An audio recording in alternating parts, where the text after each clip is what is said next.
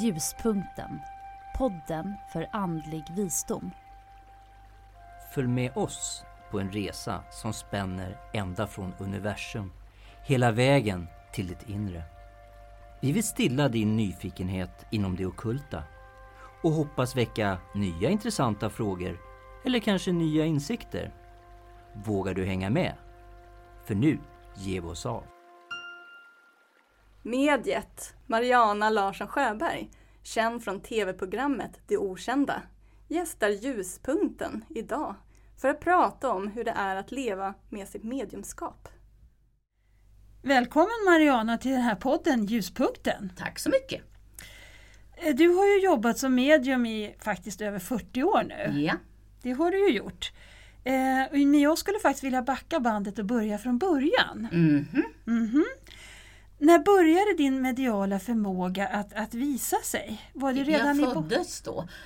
Jaha, Ja, och på den vägen är det. Eh, Jag var ett barn som såg och hörde från början. Problemet var ju att ingen annan gjorde det, men jag trodde ju förstås, som småbarn gör, att alla gör det.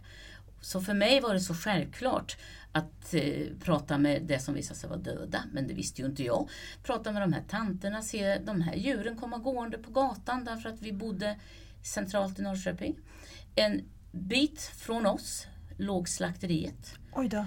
Så det hände ju att när jag var ute på gatan och lekte, vilket man gjorde på 50-talet, det var på den tiden man lekte på gatan, så såg jag kor komma springande så här glatt galopperande. Så gick jag in och sa så här vid tre års ålder, det kom en ko och de sa, du har en sån fantasi. Ja. Du, du hittar på, du måste sluta ljuga. Ja. Du måste sluta blanda ihop verklighet och sanning. Mm. Men jag var i det här och jag trodde att alla barn var likadana tills jag kom till skolan. ja, Då upptäckte jag att det var de inte. nej, precis. Så jag hade en ganska tuff skoltid för att fatta mig kort. Men vi, jag var 15-16 så var ju min mamma och pappa de var ju ateister så jag hade ju inte direkt något stöd så. Eh, då var ju hon lite orolig för mig. För hon trodde ju på fullaste allvar att jag hade schizofreni. Oj, Så hon mötte en gammal arbetskamrat till sig som naturligtvis som gör, man frågar hur är det med familjen? Hur Mm. är det med barnen? Och då sa hon att ja, hon var ju så orolig för mig för jag var ju så här och så här. Och då säger den här människan, ja men du, jag är med i en förening. Jag tycker att du ska ta dit henne för jag tror att det inte är schizofreni. Jag tror att det här är något helt annat. Och Okej. eftersom min mamma litade på den här kvinnan, vars namn jag har glömt, hemskt men sant. Mm. Så åkte vi dit och kom till en källarlokal där det var alla gardiner fördragna.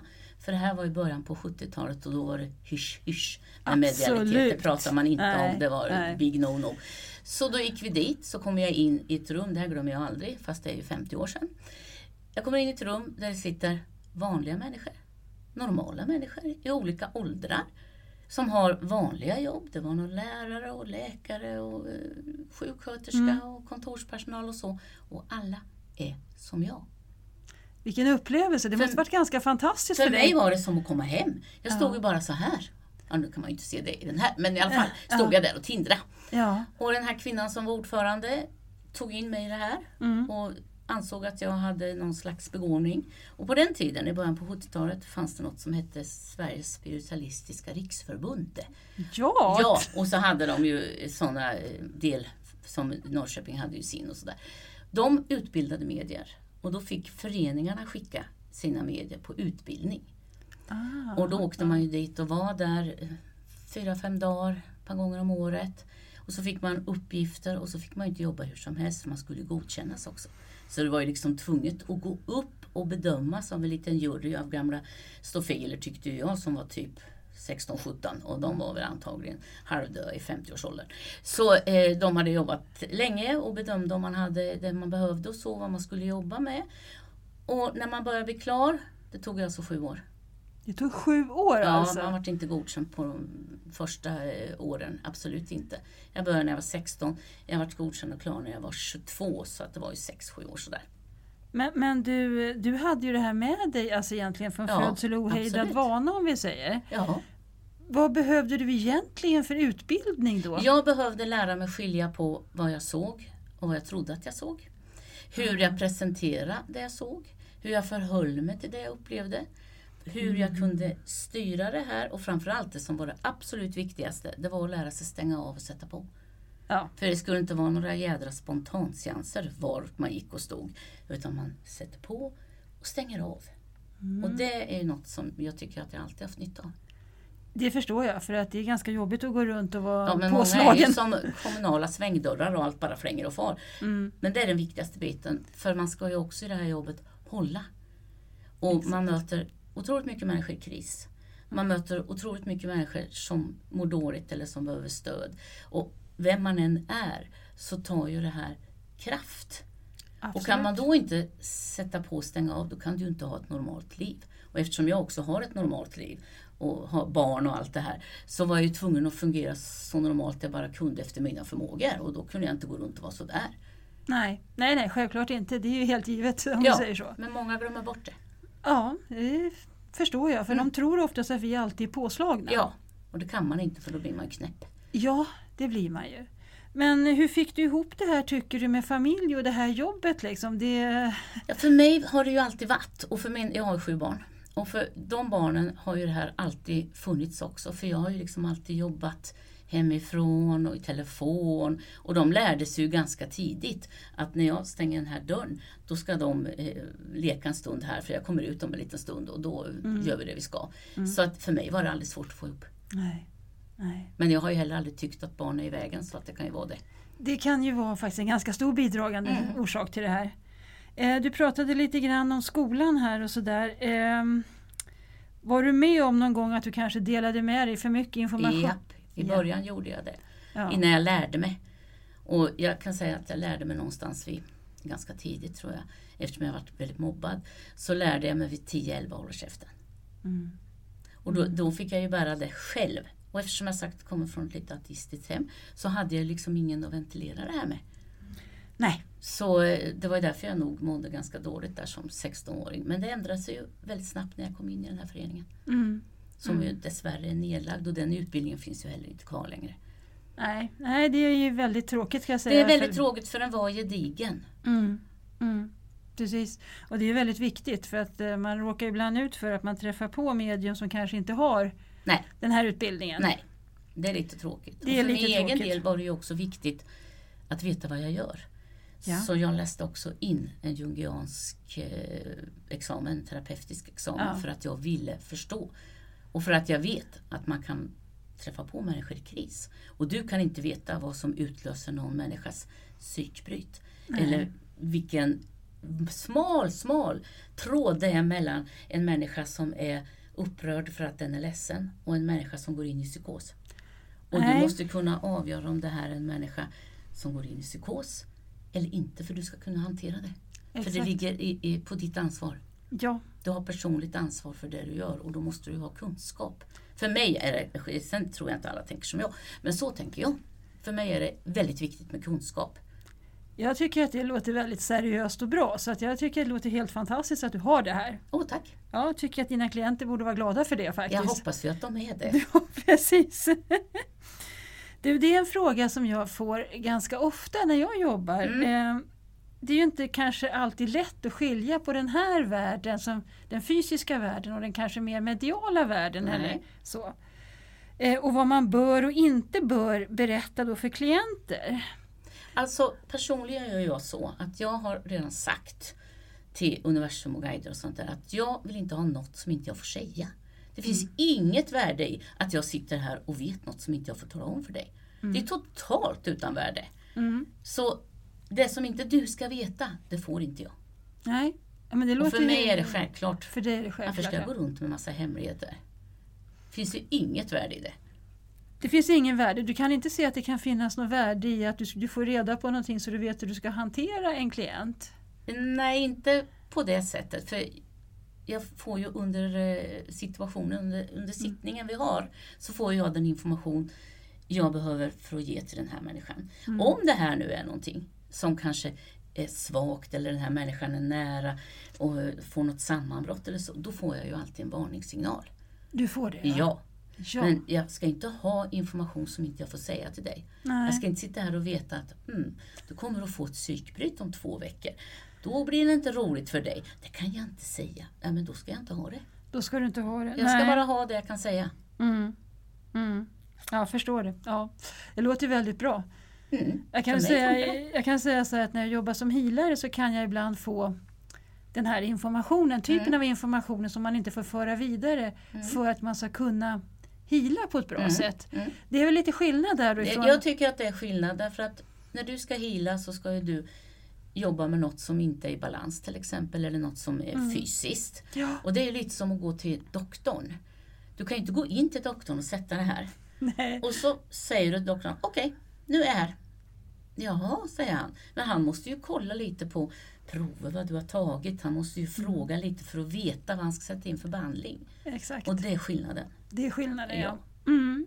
Jag tror att det är ganska bra att vi klargjorde den här skillnaden Mm. för att det är nog väldigt många, jag, mig själv inräknad när jag började med det här som nog inte riktigt hade det här klart för mig kan jag Nej, säga. nej. Faktiskt, det, så är det ju. En annan fråga som jag får ganska ofta faktiskt själv, jag vet inte hur, du, du kanske inte får det direkt för vi jobbar på lite olika sätt, men det är om man måste vara en gammal själ för att bli ett bra medium. Den frågan har hänt att jag får, ja. Ja, Det handlar inte om det. Nej. Det handlar om vad du har bestämt att du ska ha med dig hit.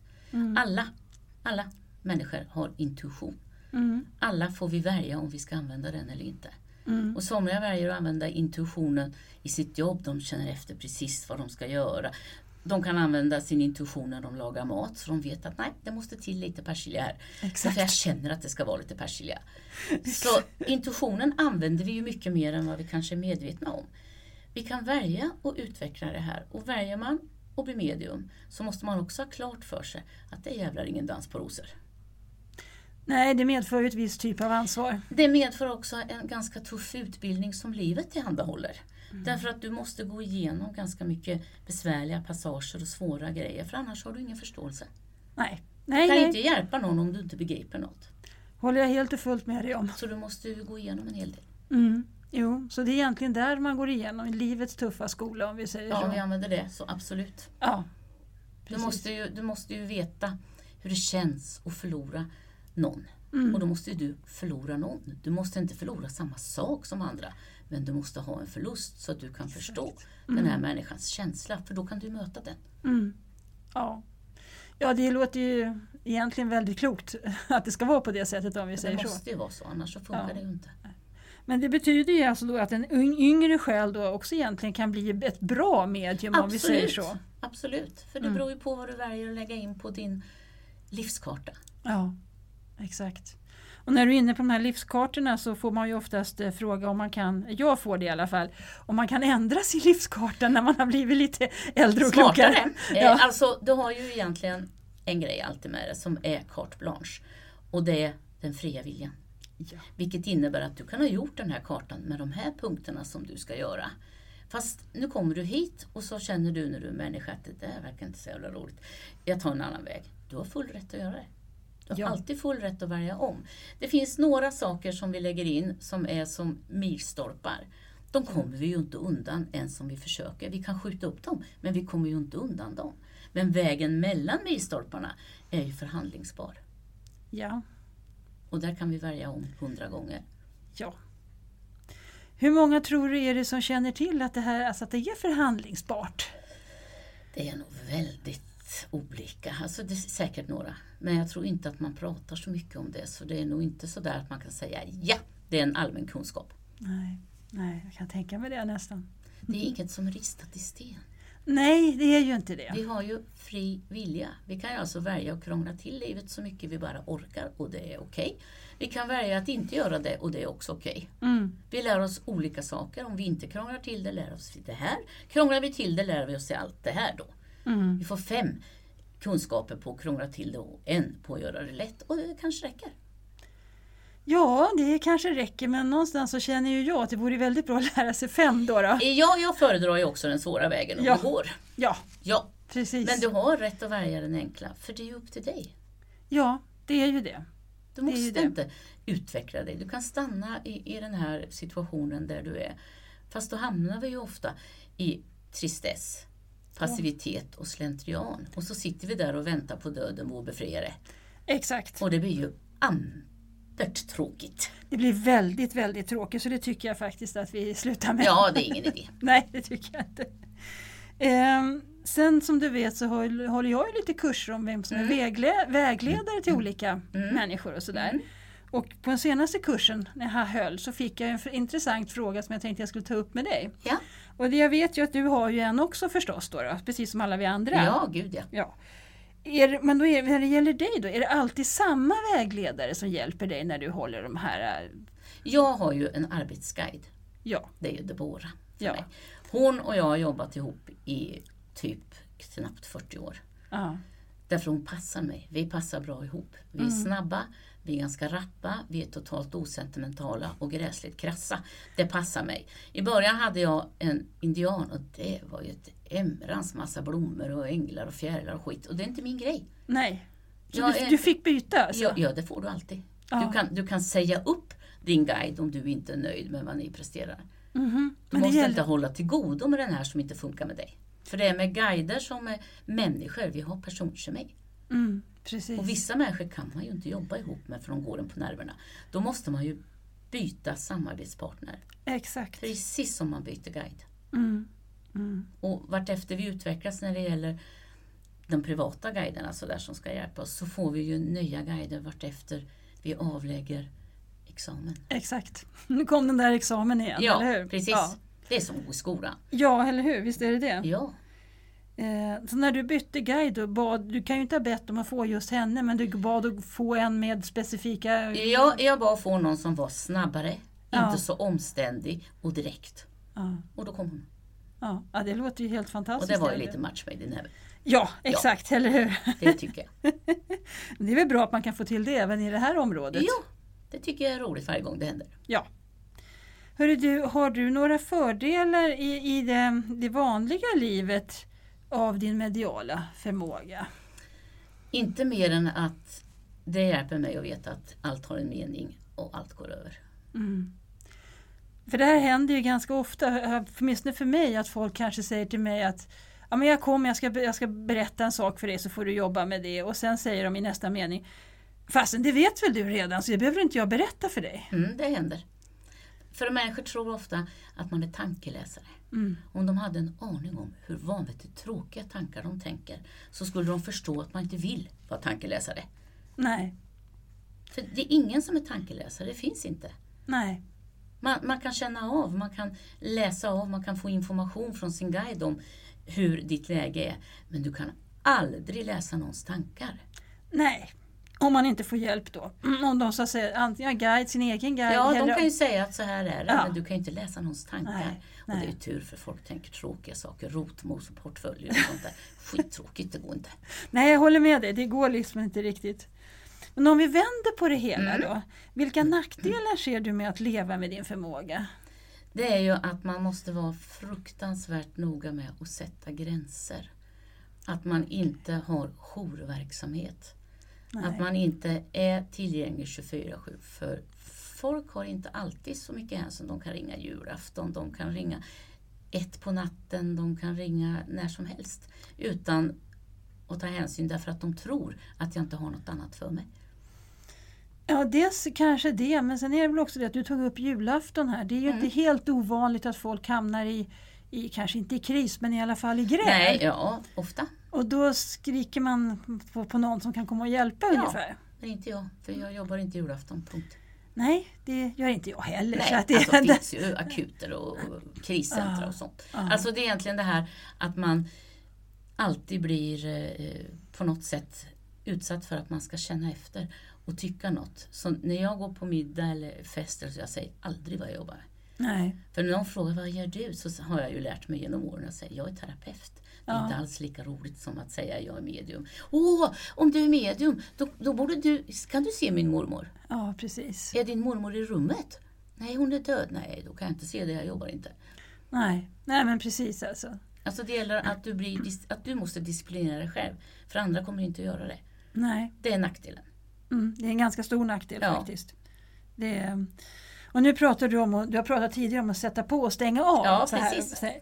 Eh, Men även nu om du har stängt av kontakten om vi säger så. Ja, kan det faktiskt hända att universum då, universum, alltså inte Mm. någon annan, tar sig igenom det här? Om det är något viktigt ja. Ja, om Men det ska det vara jädrans så viktigt. Ja, men vi har pratat om en situation som är liksom kanske farlig för dig eller något Ja, sånt. jo men då får jag precis som alla andra människor intuition. Ja, just det. Då kan jag få den här känslan, gå inte över gatan nu. Nej, okej. Mm. Och det är ju det som alla egentligen får men inte alla lyssnar på naturligtvis.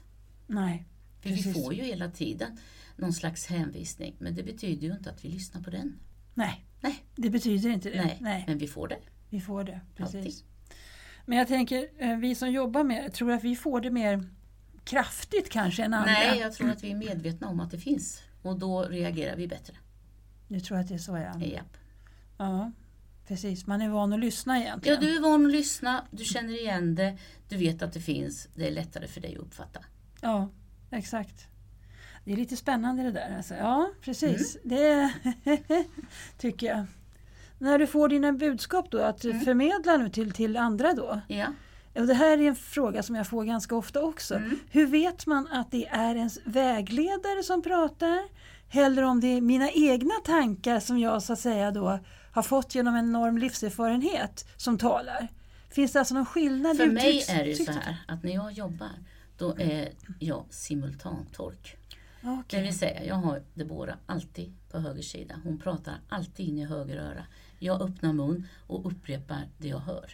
Det innebär ju också att när jag jobbar så säger jag hundra gånger på 45 minuter, förstår du? Som om jag trodde att den här människan är dum i huvudet, vilket jag ju inte tror. Det Nej. är bara för att jag hinner ju inte registrera vad jag säger.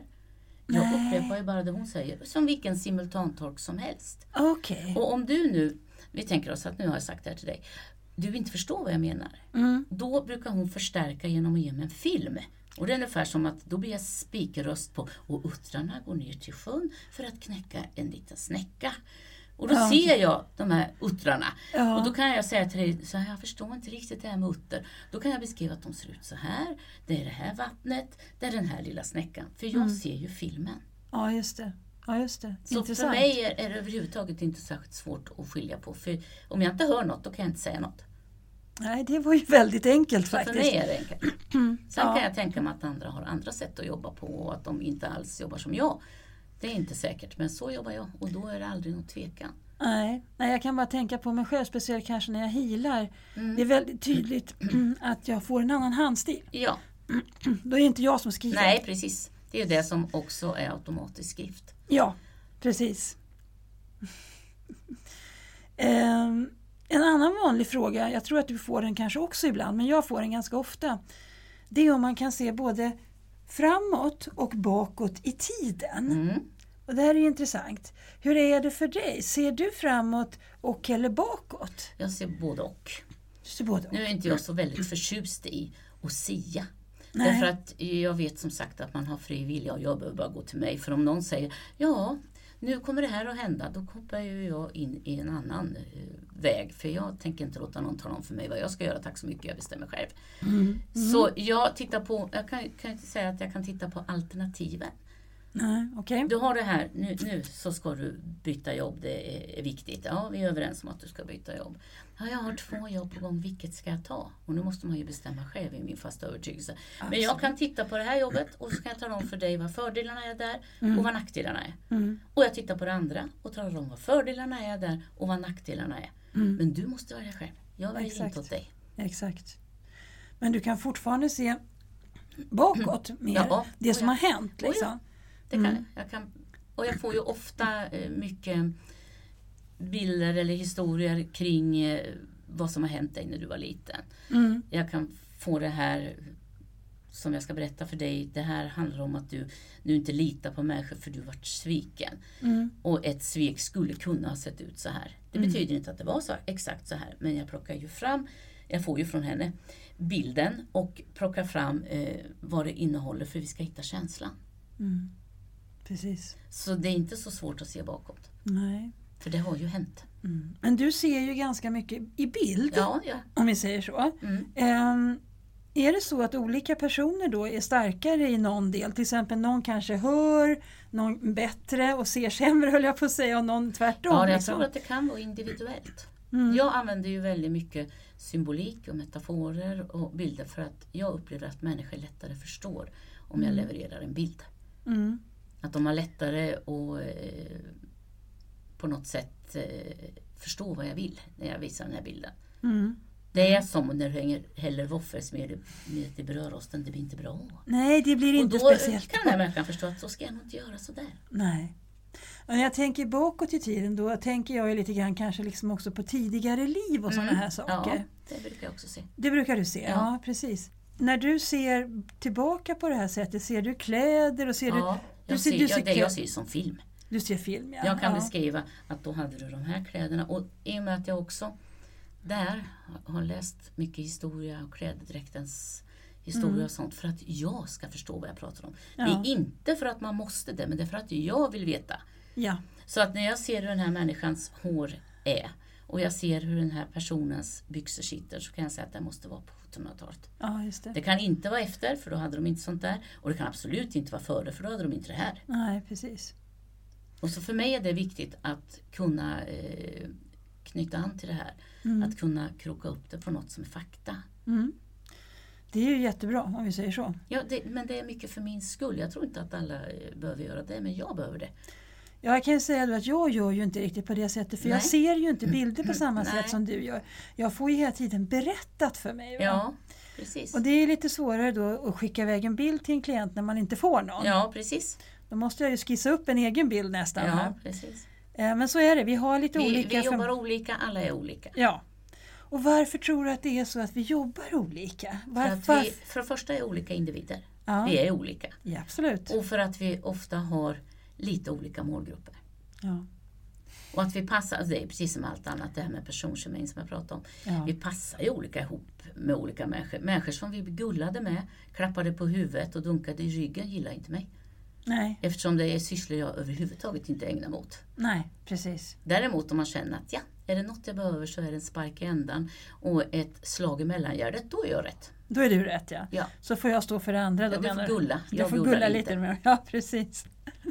Jo, jag har också tänkt så att det måste ju finnas en anledning till att Ja. det är så här. Men för inga människor är lika. Nej, så är det ju. Det är Ja, Ingen är lik den passar andra. ju ihop på olika bra sätt med olika människor. Absolut, absolut. Eh, ja, vi börjar på närma oss slutet på det här Ja. programmet. Men jag tänkte faktiskt här, du pratade ju förut om att du var, som blev eh, mobbad då i skolan. Men har du upplevt även i vuxen ålder att du liksom blir annorlunda behandlad på, just på grund av din förmåga? Inte så mycket nu för tiden. Nej, Det ska jag inte säga. De sista 20 åren kan jag inte säga att det har varit. Men innan så var man ju lite udda. Mm. Åh, nu kommer hon den där konstiga. Den där udda lilla typen.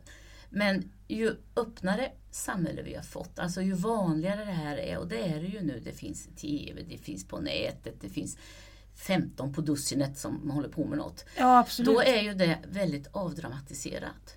Mm. Och då är det liksom ingen som reagerar alls. Så du tycker att du har märkt en, alltså Ja, på det är en enorm skillnad. Ja, det är i positiv Ja, riktning. Ja. Och jag tror att det är viktigt för unga människor.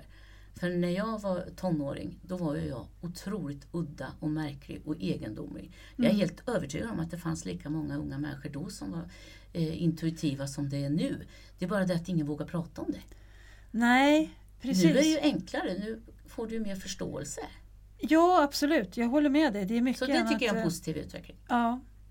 Ja, jag håller med dig i det för att när jag började med astrologi på 70-talet och då var astrologi konstigt. Ja, det var lite halvskumt. Och då kan du säga att det här är då ännu Skummare. värre. Japp, det var därför det var källare med fördragna gardiner. Ja, precis. Exakt.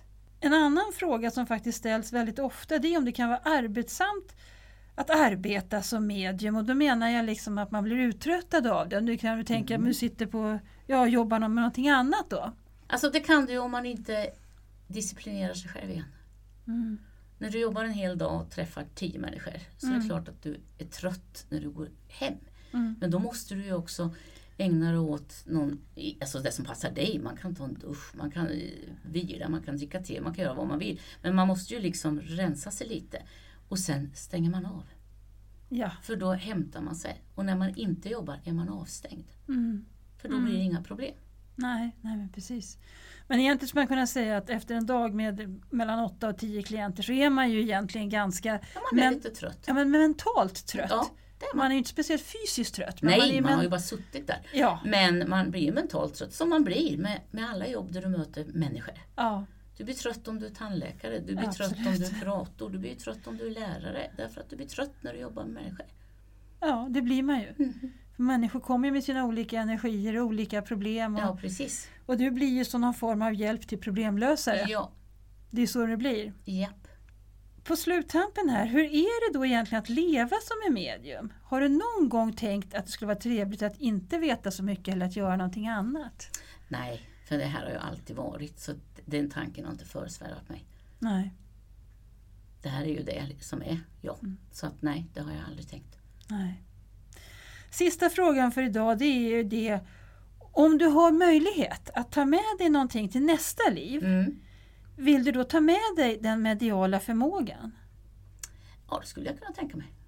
Ja, Nu när jag har vant med allt. Ja. Ja, det skulle jag kunna tänka mig. Ja.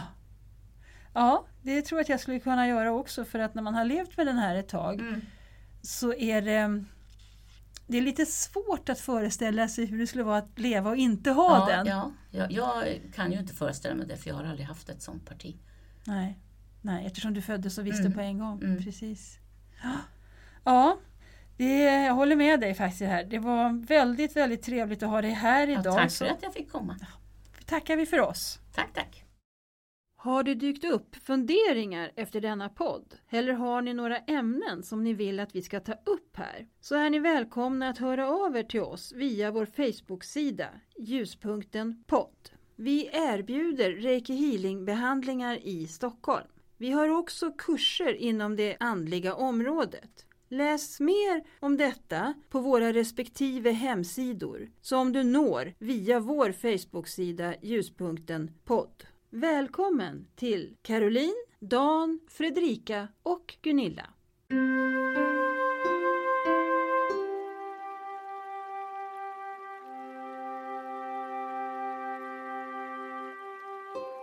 Ljuspunkten. Podden för andlig visdom.